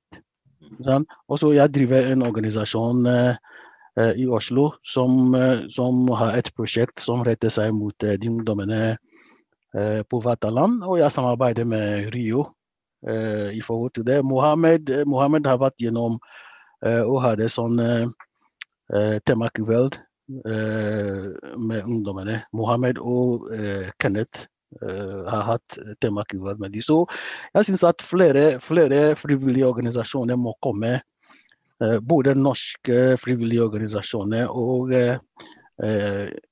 innvandrerorganisasjoner må, må komme på banen. Og jeg syns at rusreformen kommer til å skape en god mulighet for Eh, sosialarbeidere å utvikle nye strategier liksom, for å kunne jobbe med utsatte ungdom som søker seg til belastede miljøer. Vi trenger ny, tenk, ny tenk, tenkning, vi trenger nye og kreative strategier for å kunne jobbe med disse ungdommene. Og et, et hjelpeapparat som er rustet nok. Så, så jeg, tror på, jeg tror på rusreformen, men det er mange andre ting som må komme på plass. Tusen takk, ja. Mm. Mohammed Abdi. Ja, altså Det som også er greit å understreke, er at uteseksjonen i Oslo uh, har selv gått ut og støttet uh, rusreformen. De skrev en veldig god artikkel i kronikk i Dagbladet i februar, hvor de legger fram sitt syn på dette. her da. Og Det syns jeg er veldig bra at de offentlig kommer med sånne uttalelser. For å vise at de er noen folk som er på førstelinja. Det, det som er interessant nå er at Vi har jo gått fra denne samtalen fra å snakke om det med avkriminaliseringen til å snakke om hjelpeapparat. Som egentlig viser at mange av oss rusreformtilhengere er jo også opptatt av ikke bare avkriminaliseringsbiten, men også den biten som har med hjelpeapparat og hjelpetilbud. Og Vi lever i et velferdssamfunn. Eh, det er kanskje en selvfølgelighet for oss alle å si nå. Eh, Norge er på mange, det er velferdssamfunn. Det betyr at jeg tror mest på at eh, jeg, har, jeg, jeg, tror på sivilsamfunnet, og det er viktig at frivillige organisasjoner og så gjør god arbeid som dere gjør i Normal, Rio osv. Eh, men det viktigste er at eh, det offentlige tilbudet er veldig bra. Og jeg tror, jeg tror ut ifra mitt perspektiv, da, ikke en som jobber direkte med den gruppa og som kanskje ikke har like mye erfaring som andre i panelet, er at vi trenger mer eh, mangfoldskompetanse, som er et ord som mange kaster fra seg, men som jeg gjør det nå. fordi det, det handler egentlig om å se eh, det der, eh, et ord som også er ikke blitt brukt så langt, som interseksjonalitet. altså Når man gjør all type arbeid som er sosialt arbeid, så er det også viktig å se hvordan det er samspill mellom det med klasse, kjønn, eh, etnisitet osv. Og, så og at det er forskjellige grupper og forskjellige brukere trenger forskjellige tilnærminger og forskjellige måter man skal hjelpe dem. da.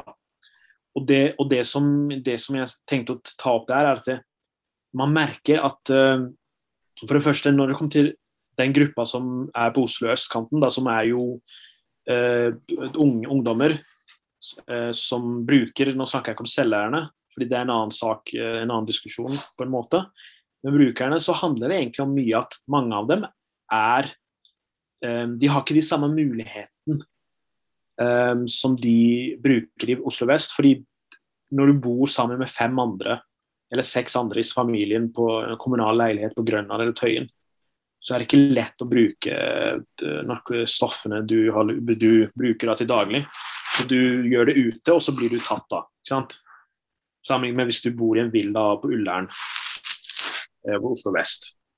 Og det, så det, det, er egentlig sånn der, det handler egentlig om det sosiale igjen. og det er at Mange av de som også jeg har vært, eh, som er brukere av disse som bor i dette området, da, er også med, sånn drop-outs. Altså de har eh, droppa ut fra skolen.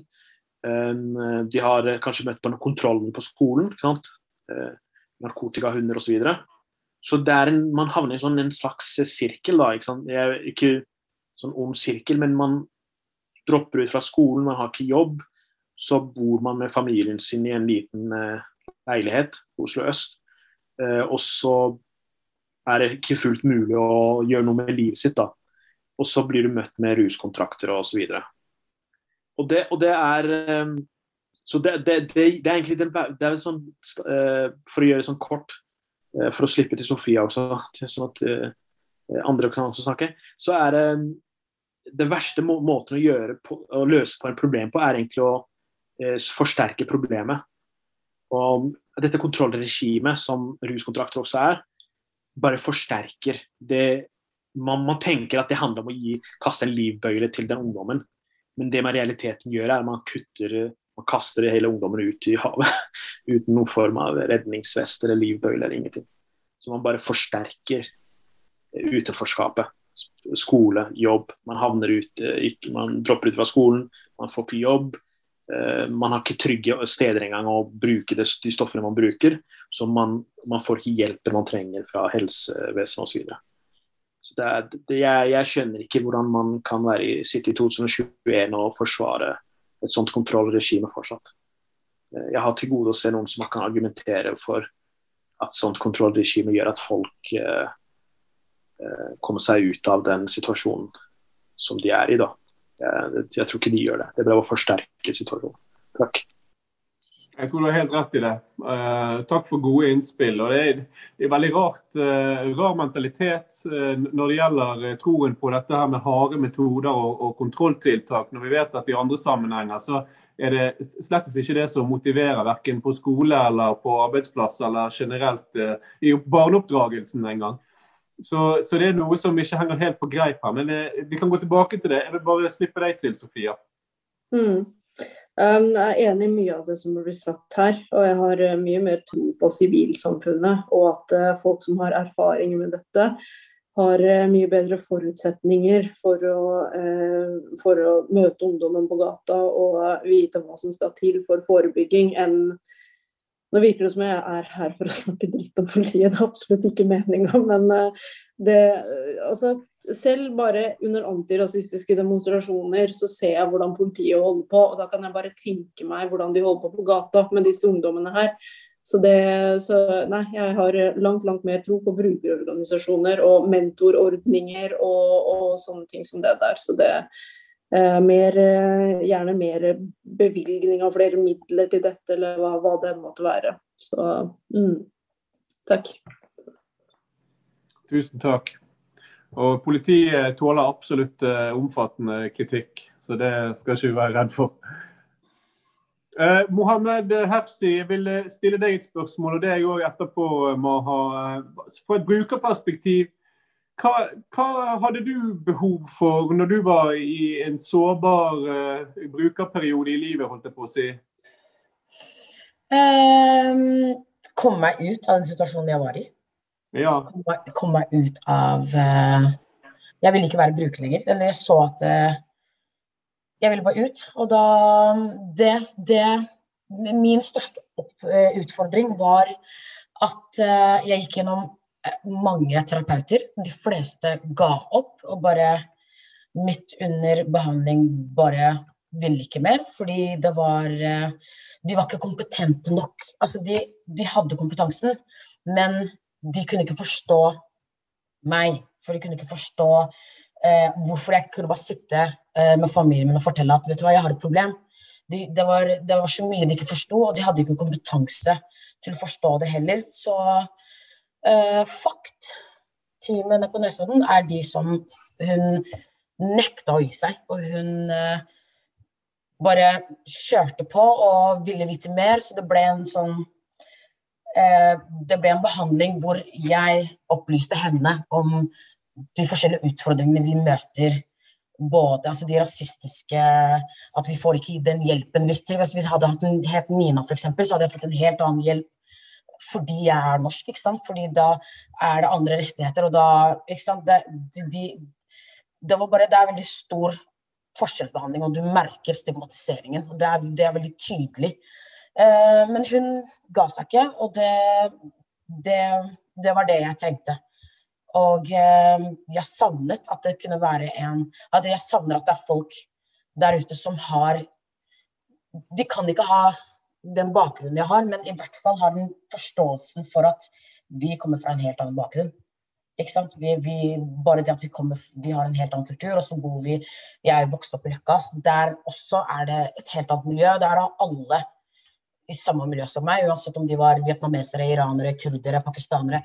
Alle vi har samme, samme kulturen på en eller annen måte. Eh, og så de, de Det hadde vært mye lettere for meg å få den hjelpen jeg trengte, hvis jeg hadde dratt til en, en med innvandrerbakgrunn som har opplevd det samme, eller som kanskje kjenner noen som opplevde det samme, men som har, forstår den, den, den kulturelle, da, for det er jo veldig viktig. Det er mye eh, Det med skam, det med tabu, det er sånne ting som nordmenn ikke forstår. Correct me, altså, ja, misforstå meg rett. Det er sånne ting som jeg savnet, da, og, og, eh, og at jeg måtte hele tiden presse på. Jeg måtte google fram. Jeg fikk ikke jeg fikk ikke jeg visste ikke hvor jeg skulle få hjelp, og når jeg spurte, så var det ikke noe veiledning. Det var ikke noe sånn ja, dra dit og dit, eller gå til legene, så skal legen, legen gi deg en henvisning til, til um, FACT, f.eks. Sånt var det ikke. Jeg måtte gå, google det, altså jeg måtte finne ut av løsninger selv på hvordan jeg skulle få den hjelpen jeg trengte. Selv om jeg visste at tok jeg det steget, så skulle jeg få barnevern i nakken. For det er bare sånn det er. Det spiller ingen rolle. Uh, vi har en uh, norsk venninne som har vært bruker. Hun fikk en helt annen behandling. Hun fikk hjelp med en gang. Uh, legen, altså barnevernet, det var ikke noe problem. De hadde kontakt med henne hvor hun dro dit og tok urinprøver. Og så passet de på henne ovenfra, hvis du skjønner hva jeg mener. At de hadde innsyn, at de kunne komme og sånt, men hun mistet, mistet ikke barna. Det samme hadde ikke gjeldt meg. Jeg hadde mistet barna direkte. Eh, ikke fordi jeg da var en bruker, men fordi de ikke forstår det kulturelle også. De hadde ikke forstått at jeg kunne fungere helt normalt. Ikke sant? Fra jeg står opp om morgenen, leverer barna til barnehage, til skole, eh, henter dem, middag, kveldsmat, legger dem. Da var det jeg. Jeg brukte Jeg var pillemisbruker. Så det var da jeg hadde min tid. Da. Det var da jeg kunne gjøre det jeg gjorde. Ikke sant? Og det var skjult fordi det er det jeg gjorde. Det er skamfullt. Jeg vil ikke at folk skulle vite. Ikke sant? For da kommer det andre inn. Da kommer det kulturelle inn. Det er flaut. Mm. Det er skamfullt. Ikke sant? Det er forventet mer av meg. Som sagt, jeg kan gå til legen og si at vet du hva, jeg har kjempevondt i nyrene. Jeg blir ikke trodd på. Nei, nei, nei. nei. Tar en prøve, la, la, la. Altså, det er stigmatisering. Ikke bare det, men at du ikke blir trodd på. Jeg, jeg, har angst. Nei, vet du hva angst er for noe? Altså, det er sånne ting da, som du blir stilt. Eh, hvordan vet du at du er pillemisbruker? Hvordan, hvordan, vet du at du har depresjoner? Hvordan vet du, Men det er jo ikke mulig, for i deres land så vet ikke dere hva det er for noe engang. Forstår, forstår du? Mm. Eh, men det er jo ikke det spørsmålet du spurte meg om. Så, men ja, tilbake til det. Jo, men det, det er veldig interessant. For, det savner jeg. Det savner jeg. At det er folk som forstår meg, som forstår at jeg har to kulturer. At jeg har den kulturen, men nå bor jeg i Norge, jeg er vokst opp her. Ja, nå har jeg et helt annet kultur. Så jeg deler Jeg er en del av begge kulturene. Og jeg beklager, eh, Nina fra Harstad kommer aldri til å forstå problemet mitt. Forstår du hva jeg mener? Ja. Så, så lurer jeg på, fordi at eh, det, det, du, du, nevnte til meg tidligere generelt, sant? dette med spesielt blant kvinner med minoritetsbakgrunn som får rusproblemer, at det er, det er noe som skal skjules. Man, man, skal, man, man, kan ikke være åpen med familie om sånt. Og eh, jeg kan jo jeg kan også relatere til, til det at, eh, at, noe sånt er skamfullt. Mm. For det, det sitter også generelt i den brede kulturen at det er stigmatisert, og at det er noe som mange som får problemer, utsetter å søke hjelp. Utsetter å søke og bli forstått fordi at man forventer å bli dømt på forhånd. Mm. Og så, så, sa du til meg at det kanskje er noe som sitter enda dypere i andre kulturer i Norge. Sant? Dette med å skulle klare seg sjøl. Mm. Og, og, og, så at f.eks. begreper som PTSD sant? Så at man, Det er ikke noe man snakker om. Det, det, det er kanskje hodepine og kvalme jeg visste og, ikke og Jeg visste ikke, jeg visste, unnskyld jeg visste ikke at det var det jeg hadde. Før mm. jeg ble eh, utredet, og før de satt der og bare Hvordan har du levd sånn hele den tiden? For meg, du detter, du reiser deg opp, du går videre. Det er den mm. kulturen jeg kommer fra. Kvinner, vi er løvinner. Vi detter ikke, uansett hva vi går gjennom. Jeg er stolt av den kulturen, det er greit. Men nå er jeg jo litt norsk også. Så det er bare sånn Du detter her. Her detter du. Enten jeg vil eller ikke. Det er bare en realitet. Ikke sant?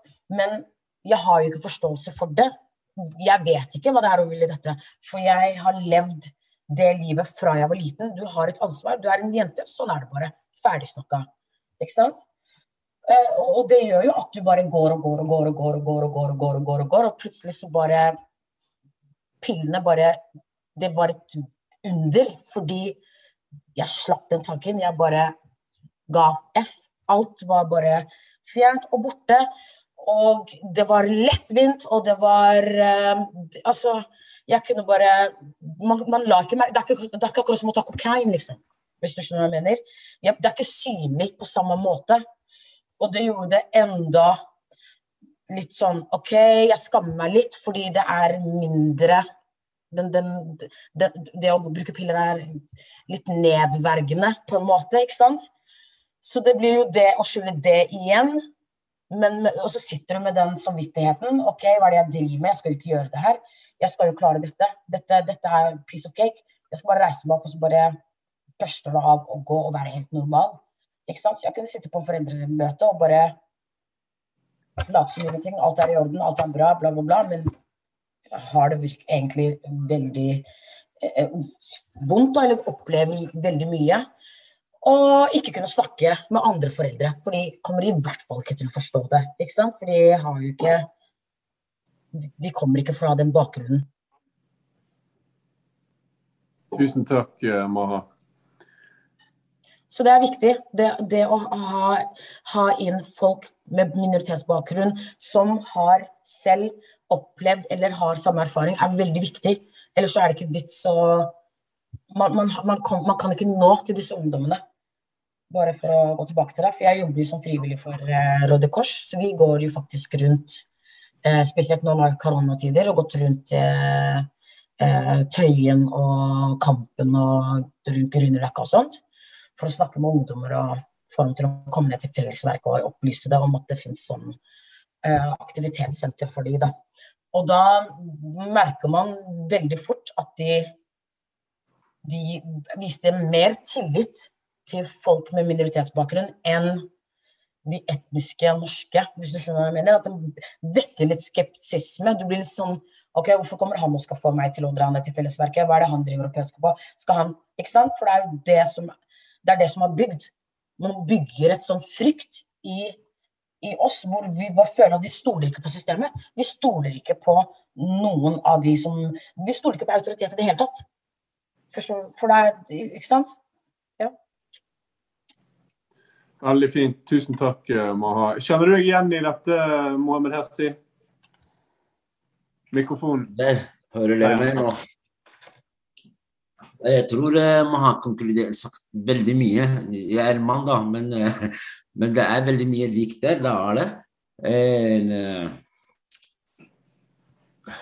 historien min var litt kanskje annerledes fordi jeg kanskje Jeg kom som minoritet og jeg var alene ikke sant, hele veien. ikke sant, Og så var det og så med året så har jeg lært å stå på eget bein uansett. ikke sant, og og når det, var, når det kom ros ut det psykiske helse ble dårlig etter mange år, ikke sant?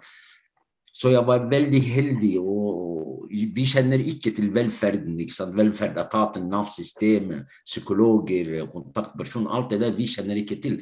Vi vet ikke om det eksisterer i det hele tatt, egentlig. Så, så jeg tror noen må ha veldig stor jobb å gjøre i landet her for å, for, for å spre den kunnskapen for de for de sårbare, for de folka som trenger det faktisk. Og da er det vi som meg, eller som alle andre, mange andre som kom til Norge ikke sant, på as, asyl, på asyl ikke sant, eller uh, nye i landet. ikke sant. Mange av oss har kommet jo med psykisk belastning allerede. ikke sant, med, fra flukttraumer og, og, og krigtraumer og alt det der. ikke sant. Og så Veldig mange kommer med masse håpninger, ikke sant, som meg, å jobbe på skolen og sånn, men alle de psykiske belastningene kommer og tar deg på et tidspunkt, ikke sant, om du ikke får den riktige hjelpen eh, i tidlig fase. Eh, jeg sporer litt av, men jeg, fikk, jeg bodde på hospits, og så jeg var heldig slik at en god venninne, Therese, mange kjenner henne, eh, begynte å jobbe der på, på hospitsen, ikke sant, og så etter hun fanga meg der i to uker, hun, sier, hun lager en møte til meg og sier til meg Hun kjenner meg fra, fra ungdomstid. Så hun lurte hva jeg gjør på hospits. det var allerede masse av systemene har svikta. Jeg har fått psykisk helse dårlig og rus, og sånt, så har jeg blitt mista jobb, mista hjem, mista barn og alt det der. Og jeg torde selvfølgelig ikke Eller jeg visste ikke hvor jeg skal, egentlig. Eh, og jeg torde ikke å snakke om min psykiske helse, for barna mine har forsvunnet fra Norge eller reist vekk fra Norge. Fordi jeg, jeg, var, jeg, jeg var, redd også for barna og ekskona om jeg har snakket om min rus og psykiske helse. Ikke sant? Eh, så, så, jeg takker egentlig den venninne fra mine barn, som fanga meg ved hospitsen og, og, og, fikk meg inn i behandling. Sa, hun sa til meg, eller Det var den første gangen jeg, jeg, jeg, blir klar over at jeg har ikke språk, selv jeg har ikke noe språk for å komme inn i behandling en gang. Selv om jeg var god i norsk, ikke sant? men jeg var god i norsk som vi snakker eh, ned i sentrum, ikke sant? eller å kjøre taxi med, men ikke mer enn det. Uh, og, og, og, jeg husker henne, hun sa til meg Mohammed, du bare rister på hodet, jeg vet hvem du er, men, men de her fleste kjenner ikke deg, så de tror du er vel de, de visste liksom Eh, det var, blir rart å huske henne. Hun sa jeg skal snakke for deg hele veien, men da må du love, love meg å komme deg på behandling. Og når du er ferdig, at du gjør noe stort. Og så, Det var rart, det møtet. Men, men det var hun som snakket for meg hele veien, gjennom Nav. eneste jeg gjorde, det var Skjønner du? Eh, jeg, jeg ville ikke ha klart å komme inn i behandling om det var ikke første steg. Eh, viljen var der hele tiden tydeligvis. ikke sant? For det er i behandlingssiden hun skrivet meg inn. Eh, men veien var ikke klar. Veien var uklar for meg, og det var meg som kjørte taxi nesten i 15 år i Oslo. ikke sant? Som kjenner hver hjørne og krok. ikke sant? Og gått på skole her, videregående skole. Ikke visste heller hvordan han skal komme seg på behandling. Eh, det var veldig vondt egentlig skammelig nå når jeg er i behandling og jeg jobber med det temaet her, så har jeg snakket også med mange av mine venner som har hjulpet inn i behandling. ikke sant? Og så, kanskje mange også Moses har hjulpet til behandling, faktisk, og OT-seksjonen har jeg snakket med. Og, og, de fleste sier til meg akkurat det samme. Mohammed, herregud, vi visste ikke om sånne steder eksisterer i det hele tatt. ikke sant? Men uh, det, det, er veldig, veldig stort problem egentlig når vi har, når vi har et rus og psykiske problemer ikke sant, i Norge blant minoritetene. Skam og tabu, alt det der er oppe der. Men uh, mangel av informasjon og kunnskap over bestandter som jobber med minoritetsbakgrunn, som kan være stemme for minoritetene inni det feltet her, det er veldig viktig, fordi de kan være den brobyggende.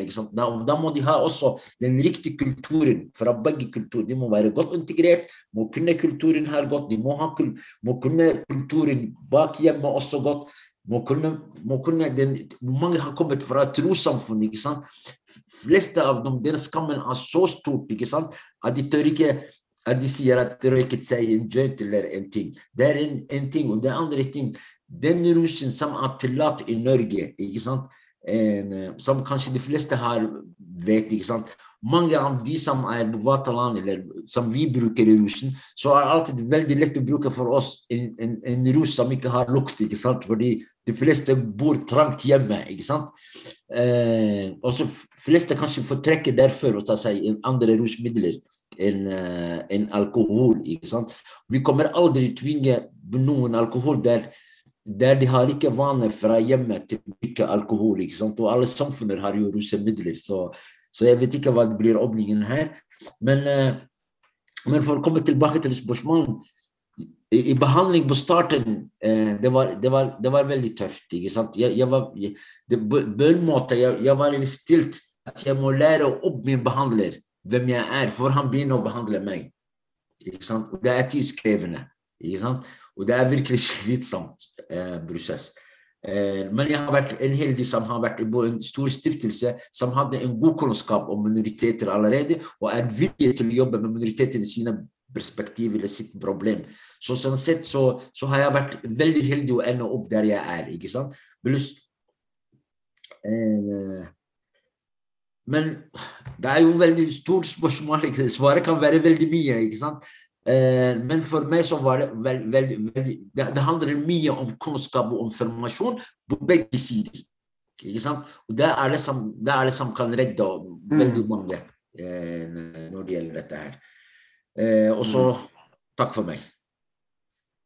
Ja, altså, Tusen takk, eh, Mohammed. Det, altså, hele panelet her i dag bidrar til å gi nye perspektiver og viktige perspektiver i en problemstilling som det snakkes for lite om. Problemstillinger som det snakkes for lite om i, i offentligheten. Og spesielt den, det brukerperspektivet dere to, eh, Maha og Mohammed, medbringer her, er så viktig for jeg vet at det er eh, tøft å snakke om. Det, det bryter barrierer. Men eh, hvis ingen gjør det, så, så, så, så, blir ikke vi bevisst på det. Og, og, selvfølgelig er det sånn at generelt i samfunnet så er det viktig å, å nå alle som sliter, men som gjemmer seg bort pga. skam. Mm. Som gjemmer seg bort fordi det er tabu, frykt for stigma, frykt for straff. Men spesielt når det gjelder mennesker som ikke kjenner til systemet på samme måte. Vet, vet, ikke hvor man skal søke seg til behandling. Og dette, det, det, er veldig interessant det du sier Mohammed, om språket i behandling. At, at, det var en ny type norsk eh, som måtte læres. Fordi at det er en sånn faglig kontekst. Og, og, og, som krever kanskje introspeksjon som man gjerne ikke er vant med, og, og, touche på temaer som, som, man gjerne er opplært til å, til å bare stå i, f.eks. Så det er ekstremt viktig. Og så tror jeg også, altså Dette med mang, mangfoldskompetanse kan ikke understrekes nok. Det er så viktig at, at, det fokuseres på det. og jeg tror at ja, staten har et selvfølgelig hovedansvar, men jeg tror, altså staten, jeg tror mye av suksessen for at norsk ruspolitikk ja, er på bedringens vei og kommer til å bli, være det i tiden fremover, satser vi på. Det samspillet mellom myndighetene og sivilsamfunnet. Sånn at myndighetene lytter til sivilsamfunnet.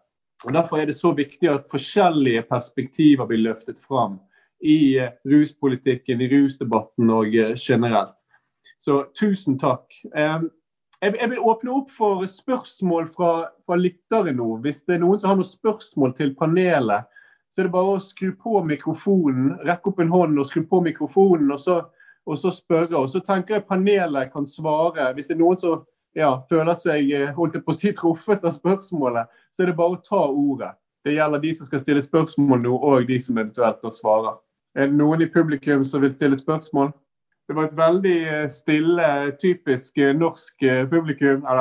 Jeg, jeg, bare lurer på da om det, om det er noen i panelet som, som, vil si noen siste ord som som er viktig å få frem, mens vi kanskje noen manner seg opp til å stille spørsmål. Moses? Nei, jeg, jeg tror at uh, rusreformen uh, kommer til å bidra til uh, å fremme hjelpesøkende arbeid, hjelpesøkende atferd blant rusavhengige og utsatte ungdommer med minoritetsbakgrunn, hvis de får gode råd fra engasjerte og motiverte fagfolk i hjelpeapparatet.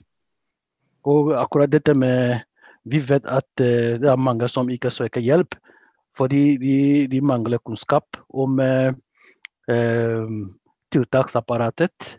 Så, så med, med, med, gode råd fra fagfolk, så kommer rusreformen til å fremme deres hjelpesøkende atferd, tror jeg. Tusen takk, Moses. Det håper jeg òg, for å si det mildt. Er det noen flere som vil ha noen siste Kan jeg bare få kommentere at jeg syns det er veldig bra at vi får tatt denne diskusjonen når vi snakker om det og så bryte ned stigma. Fordi at det, det går begge veier. Det som uh, Abdi etterlyste, at et, et antirasistisk perspektiv i rusdebatten, så er det også, også den, går også den andre veien. At antirasistiske organisasjoner og bevegelser må tørre å engasjere seg i, i, i rusdebatten, selv om det er eh, ofte, ofte, et emne som eh, det er lett å holde på avstand, ettersom hvis man allerede går i en, eh, en, en, en situasjon der man, ikke, der man ønsker å, å å stå fram med, med, autoritet og tyngde, så er det lett å føle at det, det, rusdebatten er en stigmatisert debatt som man ikke tør å ta. så Derfor syns jeg det er veldig fint at vi får uh, eh, knytta litt sånn krysskoblinger og også redusere uh, stigma ved å rett og slett sette på dagsordenen og, og, og, og ta debatten. Kjempebra. Helt enig, Karl.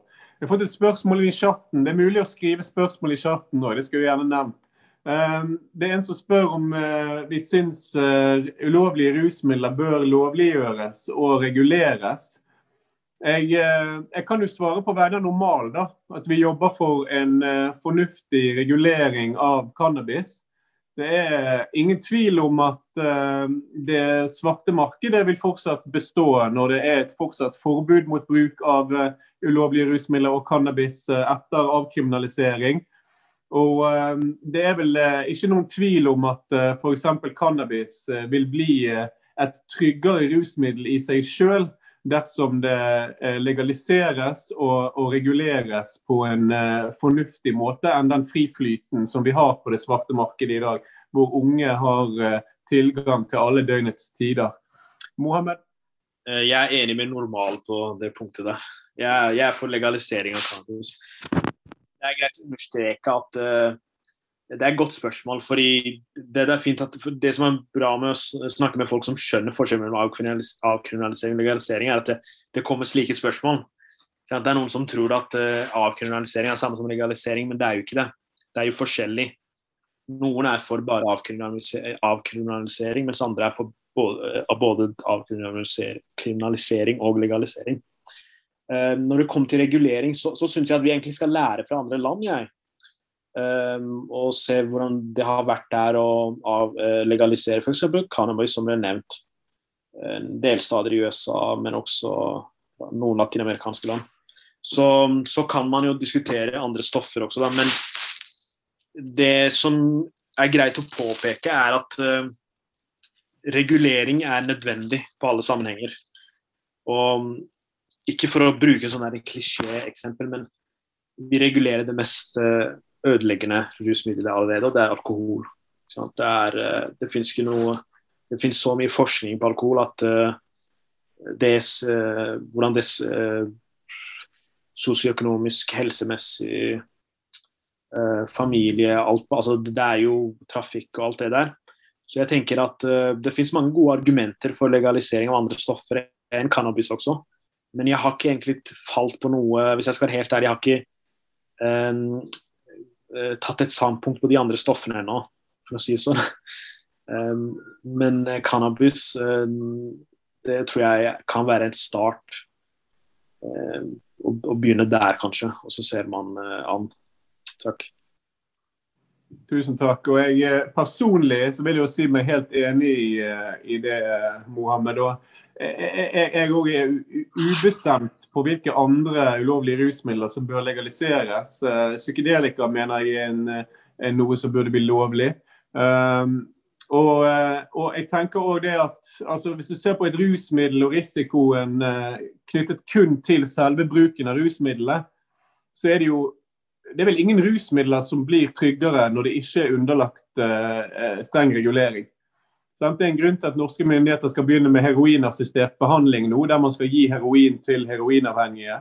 Ren heroin, kontrollert eh, og, medisinsk fremstilt heroin.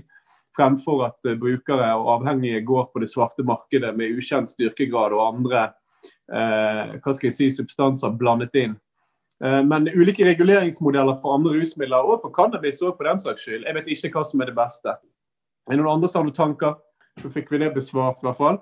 Er det da noen som vil eh, si noe avslutningsvis før vi eh, runder av denne veldig informative og spennende debatten? Jeg kan bare si noe. Hører du meg? Hører deg. Ja, jeg vet, jeg vet, at vi er eh, veldig mye snakking her om rusreformen eh, og politiet og alt det der. Men om vi skal slåss egentlig eh, veldig mye om rasismen, ikke sant? som vi har bare i dag i Norge. ikke sant? Eh, gjennom alle de årene ikke sant? De fleste har truffet eh, av norske, etniske norske i Norge. ikke sant? Eh, når, vi kommer, når vi kommer i konflikt og vi snakker om rasismen ikke sant? De fleste de kommer, de kommer tilbake at de har mye de har lært av rasismen. De har forgått på skolen. Ikke sant? Også det er, det er, jeg synes det er veldig trist at, det er, at, at, at skolesystemet, Nav-systemet, de opplever det kanskje kanskje kriminalomsorgen. Det er, det er, vi, må, vi, må, gjøre reform, ikke bare i ruspolitikken, tror jeg, etter hvert.